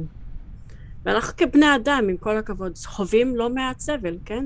זאת אומרת, אנחנו אומנם קיימים פה בעולם, אבל זה לא שאנחנו מותאמים לעולם בצורה כזאת של ממש מונעת סבל. כואב לנו לתקוע את הזרת ברהיטים, למרות שזה כאילו לא באמת כזה, צריך לכאוב לנו כל כך כדי שנימנע מזה, כן? אנחנו חווים המון סבל. סבל רגשי, זה כאילו, מספיק שההורים שלנו לא התייחסו אלינו באותה אה, חיבה שאולי רצינו, או שהם היו עסוקים, ממש כזה שזה גורם לנו סבל רגשי, טראומות, אה, כאב, אה, מספיק שמישהו שאהבנו לא אהב אותנו בחזרה, זה, זה, זה גם כן סבל של ימו, ימים ושבועות וחודשים. יש כל כך הרבה סבל בעולם. אני אומר, תסתכלי על תעשיית הבשר, לצורך העניין, מיליארדים של חיות נשחטות כל שנה. כן. אני לא עכשיו אה, נגד או בעד אה, אכילת בשר, כן, זה לא כן. האישו פה בכלל. כן, כן. אבל אני אומר, אם היקום מרכיב... יצורים, מרכיב תודעות. זאת אומרת, כן. מן הסתם הוא יכול להרכיב אותך, וכמובן שאומר אותך זה בעייתי, כי זה לא ניבה כבר, אבל הוא כן. יכול להרכיב איזושהי חוויה של פרה עכשיו בתעשיית הבשר, שעוברת סבל, זאת אומרת, זו מחשבה כן, מעניינת שבאמת אין לי, אין לי עליה תשובה, אבל uh, אפשר לשחק כן. עם המחשבה הזאת, ואני חושב שמבחינה פילוסופית היא מעניינת. Um, אז זהו, אז בואו בוא נראה אם יש לנו בקשות בצ'אט. מישהו רוצה שנדבר פה, איווה, תעזרי לי לבחור. מישהו רוצה שנדבר פה על גלגולי נשמות, מה יש לנו פה? מה יש, איזה ראיות יש לגלגולי נשמות מעבר לשניים, שלושה ילדים דרוזים שדוברים אנגלית? שזה לא, לא מסביר. אני לא הבנתי, כאילו, כן, שישבו מול פפה פיג ולמדו, כאילו, חוויות סף מוות. בואו נדבר על חוויות סף וואו. ונשמות, בסדר? חוויית סף מוות. יש, אני שומע את זה המון, דרך אגב, גם בטיקטוק. כן. אנשים שכאילו אומרים, וואו, יש הרבה אנשים שמדווחים שאחרי שהם מתו, הם ריחפו, ראו דברים, ו... את יודעת, איזשהו פתק שהיה על הגג, אני לא יודע מה, מה היה שם. דבר ראשון, אין לא דרך ל... לא כיסינו את הנושא הזה לפני איזה שבוע. כיסינו הכל כבר בתוכנית, ניבה. כן. כיסינו הכל בתוכנית כבר שנתיים. עזוב, כאילו, עשר שנים של אתאיסטים נעים להכיר, אני חושבת כבר הכל. כן, לא, זה הייתי צריך להגיד לך בלי שהצופים רואים, אבל כן. בסדר, אנחנו כלים עם הצופים שלנו, אז זה בסדר. אבל כאילו, בוא נדבר על כאילו גלגול נשמות, שהרבה אנשים אומרים שמישהו מת, או הרבה אנשים מתו, ואז הם שמעו מה אמרו בחדר ליד, ולא הגיוני ששמעו, וראו את הפתק על הגג, וכל מיני דברים מהסוג הזה. דבר ראשון, אין דרך לאמת את זה. זאת אומרת, אין לי מושג אם הדבר הזה באמת קרה או לא. דבר ראשון, הם לא מתו. אוקיי, לא, אבל יכול להיות שהם לא קלינית הם מתו. יכול להיות שקלינית הם מתו, זאת אומרת, כן, הלב שלהם הפסיק לא לפעום, לא... בוא נגיד שהם מתו. הם לא לגמרי מתו, כי כשאתה מת לגמרי אתה לא חוזר. אבל כן? זה, לא משנה, אין לי בעיה לתת להם שהם מתו, זה לא משנה. דבר ראשון, אנחנו יודעים שאנשים שונים אה, חווים גם חוויות שונות. אחרי שהם עוברים אה, חוויה על סף מוות, הם הרבה פעמים רואים את הנביא, שאלה, אלה, זאת אומרת, הנרטיב הדתי שאליהם הם גדלו, נכון? יהודי כן. יכול לראות את משה, ערבי יראה את מוחמד, דברים מסוג זה. נכון, כן. זה לא משנה מה, נניח וכולם מתו, וכולם ראו את אותו דבר, מנהרה לבנה, ראו פתקים, שמעו קולות שלא היו אמורים לדעת. כל מה שיש לנו כאן זה תופעה שכרגע אנחנו לא יודעים איך להסביר אותה. זהו, זה פשוט, זה מה שזה. זה מעניין, וכל... כי גם בבודהיזם מתארים את הנושא הזה של איזשהו אור, וללכת אל האור, וכל מיני כאלה, ובודה אומר, אל תלך אל האור, כי זה האור זה כאילו, אתה חוזר לסמסרה, כאילו זה מלכודת. לגמרי. אל תלך אל האור, כן. אז, אז כל, כל, כל, הדבר הכי רחוק שאני יכול ללכת איתו זה לומר, אוקיי, יש לנו חבר'ה תופעה שכרגע אין לנו הסבר עליה, וכל טיעון אחר יהיה אה, טיעון של non sequitur, שבו טוען הטענה, אה, אה, טוען טענה שלא מובילה בהכרח למסקנה. למה עצם, למה זה, מה זה נשמה? איך אתה מדגים נשמה? מה התכונות של נשמה? למה נשמה מרחפת? מה, יש לה איזשהו... אה, גרו, גר, כאילו גרביטציה שלילית, מה, מה זה, היא עשויה מאליום, מה הולך פה כאילו? אה, כל הדברים האלה, המאמינים יצטרכו, מי שטוען את הטענה הזאת יצטר, יצטרך להדגים. כל מה שיש פה זה תופעה שכרגע אנחנו לא יודעים איך להסביר אותה, גם אם היא קורית. ואנחנו יודעים שמוח נמצא במצב של חוסר אספקה של חמצן, הוא יכול להזות דברים, ויכול להיות שבגלל שכולנו דומים, זאת אומרת, כולנו יש לנו DNA שהוא ב-99.999% דומה, בגלל שכולנו דומים, כאשר אנחנו נמצאים במצב של חוסר אספקת חמצן, אז אנחנו חווים חוויות דומות. כמו שעכשיו אם יצוותו אותי ואותך ניבה, שנינו נחוש כאב באזור הצביתה, כי שנינו דומים. פשוט מאוד. אם שנינו ניקח, אבל לא ממליצה פה על סמים, כן? אבל אם שנינו ניקח LSD למשל, כן? אנחנו נחווה חוויה, כי המוח שלנו מגיב לגירויים מסוימים בצורה של יצירת אה, הזיות, כן? נכון, יש נכון. יש אה, חומרים מסוימים שמופרשים, דברים שאנחנו פשוט יוצרים הזיה. נכון. יכול להיות שחומרים מסוימים, אתה רואה שכאילו, למשל LSD יוצר, יוצר תופעה מסוימת אצל רוב בני האדם. גראס יוצר תופעה אחרת אצל רוב בני האדם. אתה רואה ממש שיש הבדלים כאילו בחומרים ומה שהם יוצרים אצלנו, אז יש פה איזה היגיון בכל זה. אז חוסר חמצן במוח גורם לאשליה כזאת וכזאת. זה יכול להיות הסבר מסוים, אבל גם אני, אני מציע שאנחנו בתור אתאיסטים, או אנשים שהם לא מדענים, אני ואת, שאנחנו לא מדענים, ואנחנו לא ניתן טענות, כי אנחנו כן. ניקח על עצמנו נטל הוכחה, ואני חושב שאין טעם לא, לעשות את זה. הסבר אפשרי, כן.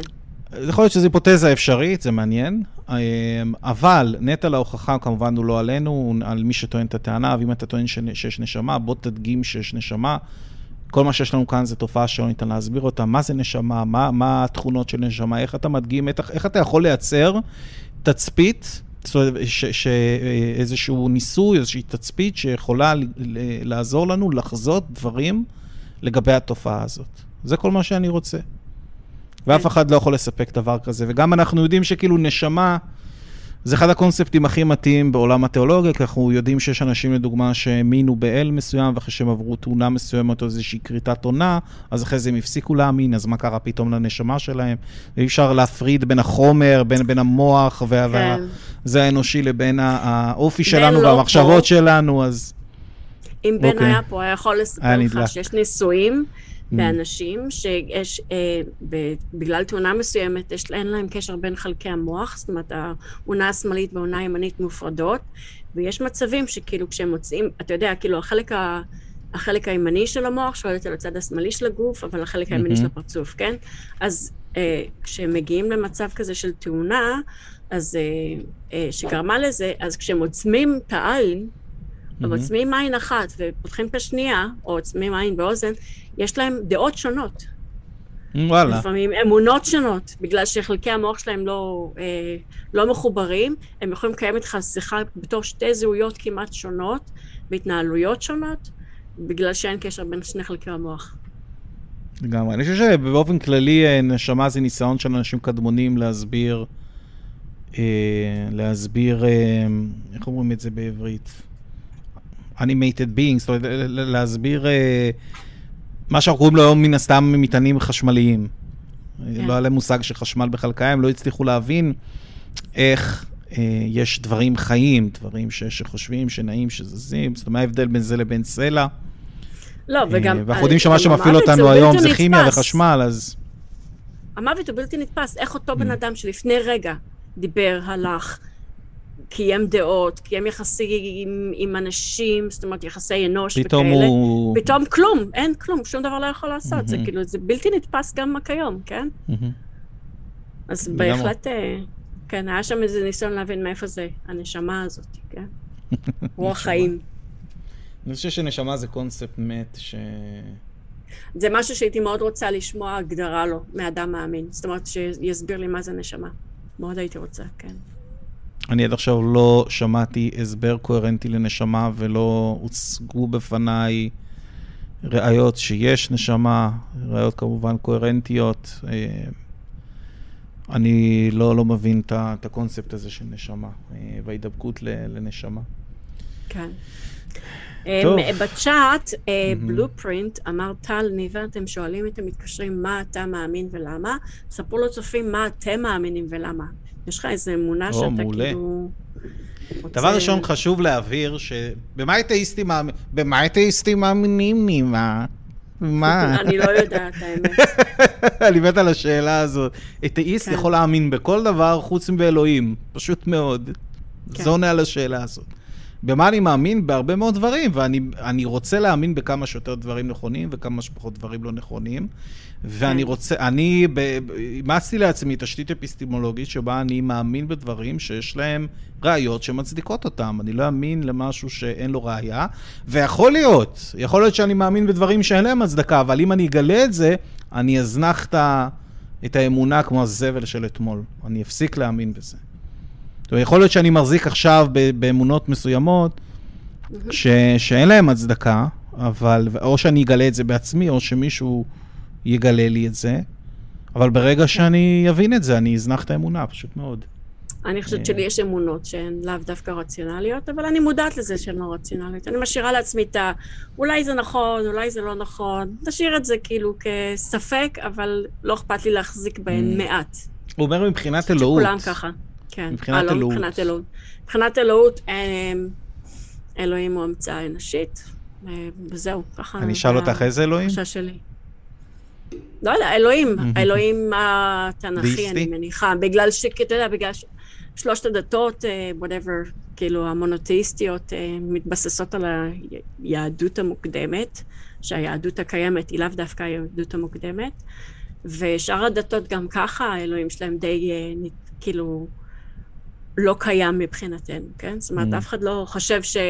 אה, לא יודעת, גנשה, הדת, ה- ההינדואיסטית, אה, שזה בן אדם עם ראש של פיל, בגלל ששיבה חתך את הראש של הבן שלו, ואז הוא רצה לתקן את זה, אז הוא מצא פיל בחוץ, ואז הוא הדביק לו את הצוואר לבן אדם. אני לא חושבת שיש מישהו מאיתנו שלוקח את הסיפור הזה ברצינות, וחושב שיש אל עם ראש של פיל וצוואר של בן אדם, שאיכשהו יסתדרו ביניהם, כן? יש דרך אגב סיפור אה, דומה, שראיתי איזשהו פרופסור בערוץ של אה, אלכס סייטלין, מי שלא מכיר, מומלץ להיכנס לערוץ שלו, שמע אלכס סייטלין ביוטיוב, אה, שהוא בעצם, אה, הפרופסור הזה מתאר איזשהו סיפור כנעני מלפני 3,500 עד- עד 4,000 שנה, משהו כזה, בעצם כן. סיפור כנעני על יצירת העולם, שבו אלוהים בעצם, האל אל, אני חושב, הוא זה ש... הורג מפלצת שנקראת תיהמת, חוצה אותה לשתיים, ואז חצי אחד הולך, הופך לשמיים, וחצי אחד הופך כאילו לאדמה. ואז... לא מאיזה- מפליצים מהתחת סיפורים, אני לא זה הזה. אז זהו, אז כאילו הוא, מקשר את זה עוד אפילו לסיפור הבריאה היהודאי, שחושך על פני תהום, ומאיפה אה, המילה הזאת כן. תהום מגיעה, אז מים, תהמת. מפריד בין מים למים, כן. כן, אז יש איזשהו סיפור שחצו את המפלצת הזאת לשתיים, וחלק נהיה שמיים וחלק נהיה אדמה.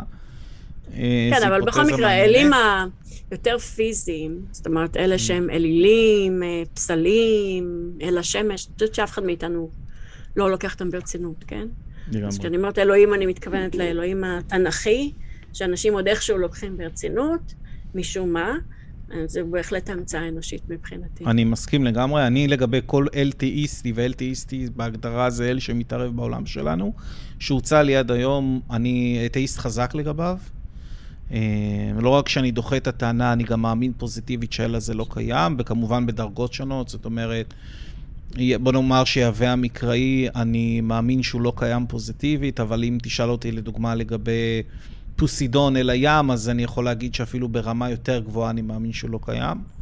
זאת אומרת, פוסידון מבחינתי מ-1 עד 10, 10 אני מאמין שהוא לא קיים, ויהווה 9 מ-10 אני מאמין שהוא לא קיים לצורך העניין. תשע וחצי אצלי, כן. תשע וחצי. כן. ולגבי אל דאיסטי... כאילו, הוא יכול עוד לשכנע אותי שהוא קיים אם הוא רוצה, שיכתוב, לא יודעת מה, ב- באותות ובמופתים ב- בכל העולם בו זמנית. אבל איך את לא יודעת שאת לא סובלת מפסיכוזה? שזה הסבר הרבה יותר כן, סביר. אבל בגלל זה צריך אני לשלול אומרת, אותו לפני. כן. תראה, אם אני סובלת מפסיכוזה, שבה כל מי שאני שואלת גם חווה את אותה חוויה, אז בסדר, אז אני משוגעת, שים אותי בבית משוגעים, ובשבילי אלוהים קיים, כן? הלוא כל שנה יש לנו מיליוני אה, אה, אנשים ש- שחווים איזושהי פסיכוזה. זה- ירושלים. זה הסבר מאוד שכיח, אז כאילו- אני יודע שאנחנו באים להסביר תופעה סופר יוצאת דופן, ויש לנו הסברים שכיחים כאלה, אז הכל עדיף ללכת להסבר השכיח, לפני שאנחנו הולכים להסבר העל-טבעי. אה, אבל מה שאני בא להגיד לגבי יהווה, אני אתאיסט אה, חזק, מה שנקרא, זאת אומרת, אני מאמין פוזיטיבית שהאל הזה לא קיים. איך הגעתי למסקנה הזאת? אחרי הרבה מאוד מחקר, הבנה, אה, חשיבה ביקורתית, למידה לגבי מה חקר המקרא מלמד אותנו, מה הארכיאולוגיה מלמדת אותנו, הרכיבה לי איזושהי תמונה מלאה לגבי למה האל הזה לא קיים. כמובן שלא ניתן להפריכו, כי בהגדרה האל הזה מחוץ למרחב זמן, אז אני לא יכול להפריך את קיומו, אבל בגלל זה אני יכול להגיד שזה רק תשע מעשר, אבל גם בפוסידון לא, כי אני יודע שאין שום אל שמנהל את הים, אז אני יכול להגיד שזה עשר. אתה יודע, לא היית בכל הים. אוקיי, יפה, nice one. אולי אה, פוסידון באמת יש מתחבא עומקים שלא היית בהם. אולי, אולי. אמ, אבל זה לגבי אל דאיסטי, אני אמ, יכול לומר שאני אגנוסטי. אני לא יכול לטעון טענה פוזיטיבית שאין איזשהו יוצר ליקום הזה. אמ, אבל אם הייתי צריך לשים את כל הז'וטונים שלי על, אה, על, אה, על היפותזה או על איזושהי עמדה, סליחה, את? אני שם על העמדה שאין אלה שיצר את העולם, העולם נוצר בתהליכים טבעיים לחלוטין. אני פשוט לא רואה מה היית, מה כאילו, אלוהים מבחינתי מיותר במשוואה פשוט. כאילו, הוא מתבטל בזה שווה לזה, זה יצר ככה. גם לא פותר וככה, כלום, הוא כי- מתבטל שם, הוא לא פותר כלום, הוא לא תורם כלום, הוא הוא פרזיט. הוא יושב, יושב ככה ואומר לנו מה לעשות, והוא לא עושה לנו כלום לטובתנו. יופי, אז מאיפה אלוהים הגיע? אבל אלוהים בח... בחיים אה, אלוהים תמיד היה קיים, אוקיי, אז אם אלוהים תמיד היה קיים, למה אתה יכול להגיד שהיקום תמיד היה קיים? כאילו, למה להעביר לא, את גם ה... מה גרם לו פתאום להגיד, וואלה, משעמם לי, בוא ניצור אנשים ונראה אותם סובלים. לא, מאיפה התודעה הזאת הגיעה? כן. מאיפה התודעה כן. הזאת הגיעה בכלל? לא, הוא תמיד היה. כן. יופי, special pleading. כן. זה לא פותר כלום, כן. sorry. טוב, חבר'ה, אני רואה שאין לנו עוד מתקשרים. רגע, אני רק ממש- רוצה להקריא אוקיי. את סיסטר ריי 100. כתוב, מי שמשתמש במושג נשמה, צריך להסביר מדוע זה מושג הכרחי. מה לא ניתן לומר מבלי להשתמש בו. נכון. אז יפ. זהו. חבר'ה, לנו ממש כיף לי ולניבה, נכון? זה כן, יס. תמיד כיף. היה לנו ממש כיף. היינו שמחים שיהיו יותר מתקשרים. בין בדרך כלל מה שקורה, אני אספר לכם קצת מה קורה, יש לנו לידים מקמפיינים שאנחנו עושים, בין שולח להם הודעות בוואטסאפ, בין לא נמצא פה בחו"ל בחודש הקרוב, אז אין מי שישלח את ההודעות האלה, אז זה יותר קשה. אנחנו באמת אה, ב staff אה, אה, חסר כרגע. understaffed אנחנו כרגע. בדיוק, כן. understaffed. חבר'ה, מי שרוצה לעזור לנו, יכול לקחת לינק לתוכנית, להפיץ ברשתות החברתיות, בטיק טוק, בכל מקום. אם אתם אבל רוצים... wisely, לא סתם לכתוב. wisely, לגמרי, כן. לגמרי. ו- כן. ואם אתם רוצים להפוך להיות חלק מהצוות של הקו האתאיסטי ולעזור לנו באמת אה, לגרום לאנשים לחשוב בצורה יותר ביקורתית, ל- ל- שיאמינו בכמה שיותר דברים נכונים וכמה שפחות דברים לא נכונים, אז אה, אתם מוזמנים לפנות לאורי או לכל אחד מחברי הצוות ולראות איך אפשר לקדם את זה. אנחנו צריכים עזרה בהפקה, ב- ב- ב- באמת בכל התחומים. אנחנו מאוד נשמח לזה, ואם אתם רוצים לתרום לנו, אתם יכולים לעשות את זה דרך הפטריון והפייפל. וזהו, ותודה לך, ניבה, שהיית איתי. תודה אה, לך. תודה לאביב שסינן היום, לא לו יותר מדי עבודה. תודה, אביב. בסדר. שניים זה בסדר, כן, נהדר. כן, כן. חבר'ה, אנחנו נתראה שבוע הבא. אה, כרגע, אה, משהו חשוב, אנחנו כרגע לא משדרים לפייסבוק, אנחנו בדרך כלל משדרים כן לפייסבוק. בגלל שראל. ששראל לא נמצא, אז אנחנו, ש- כרגע אנחנו צנועים, אנחנו רק ביוטיוב, אז תחפשו אותנו פעם הבאה רק ביוטיוב. חבר'ה, שיהיה שבוע טוב, אנחנו נתראה שבוע הבא. אנחנו מתגעגעים אליך, שראל, תחזור. מאוד. יאללה, נתראה, ביי. ביי בינתיים.